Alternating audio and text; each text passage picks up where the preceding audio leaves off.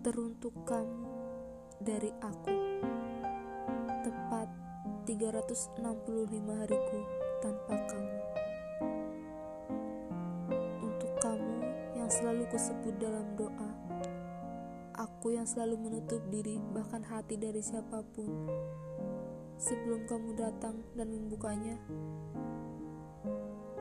aku yang dari awal tahu bahwa semestinya kita tak pernah bisa bersatu. Aku yang seharusnya tahu bahwa harapan itu harusnya tidak muncul Meski kini aku runtuh, darimu aku belajar melepaskan.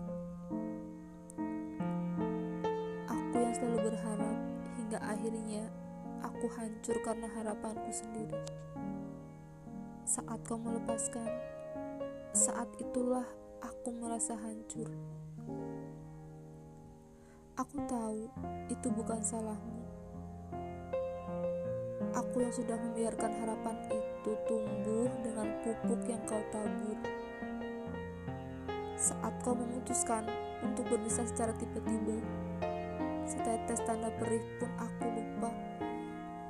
Kalimat terakhir yang kau ucap sungguh menghancurkan semuanya.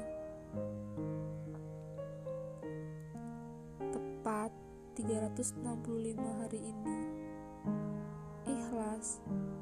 Tentu saja belum. Aku hanya mencoba menerima keputusanmu. Belajar mengikhlaskanmu tentu saja tidak mudah.